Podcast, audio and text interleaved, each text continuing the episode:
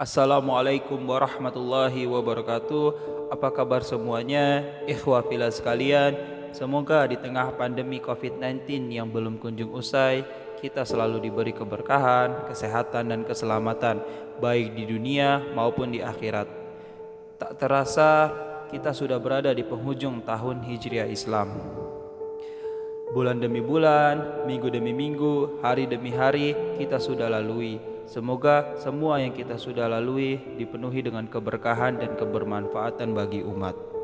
Tak lupa kita juga sudah berada di penghujung bulan Zulhijjah di mana sebentar lagi kita akan memasuki bulan yang dan tahun yang penuh suci, bulan dan tahun yang penuh fitri yaitu bulan Muharram tahun 1442 Hijriah.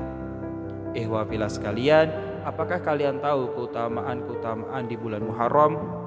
Keutamaan di bulan Muharram yaitu sesungguhnya bilangan bulan pada sisi Allah ada 12 bulan dalam ketetapan Allah di waktu dia menciptakan langit dan bumi di antaranya empat bulan suci itulah ketetapan agama yang lurus maka janganlah kamu menganiaya diri kamu dalam bulan yang empat itu Empat bulan suci yang dimaksud adalah bulan Zulqa'dah, Zulhijjah, Muharram, dan Rajab. Surat At-Taubah ayat 36.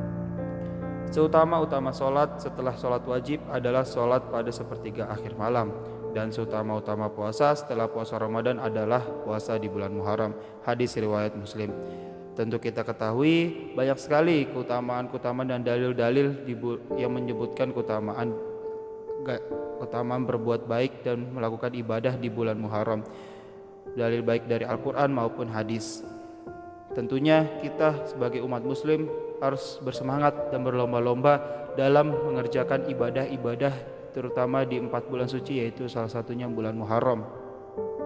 Di bulan Muharram ini ibadah-ibadah yang kita lakukan akan diberi ganjaran lebih pahalanya oleh Allah Subhanahu wa taala.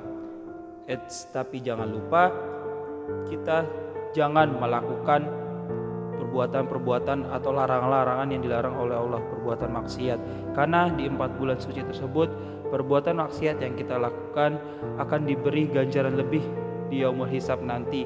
Dosa-dosa yang kita terima akan diberi ganjaran lebih oleh Allah Subhanahu wa taala apabila kita melakukan perbuatan maksiat di empat bulan suci salah satunya di bulan Muharram. Jadi kita sebagai umat muslim harus bersemangat untuk terus memperbanyak ibadah memperbanyak mendapatkan ganjaran pahala di sisi Allah Subhanahu wa taala mungkin kita sesama muslim untuk bisa saling mengingatkan, menyemangati sesama umat muslim untuk selalu berbuat kepada kebaikan. Mungkin itu eh, ganjaran-ganjaran dan amalan-amalan di bulan Muharram.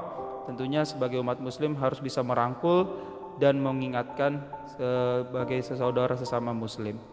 Wabillahi taufiq wa hidayah. Wassalamualaikum warahmatullahi wabarakatuh.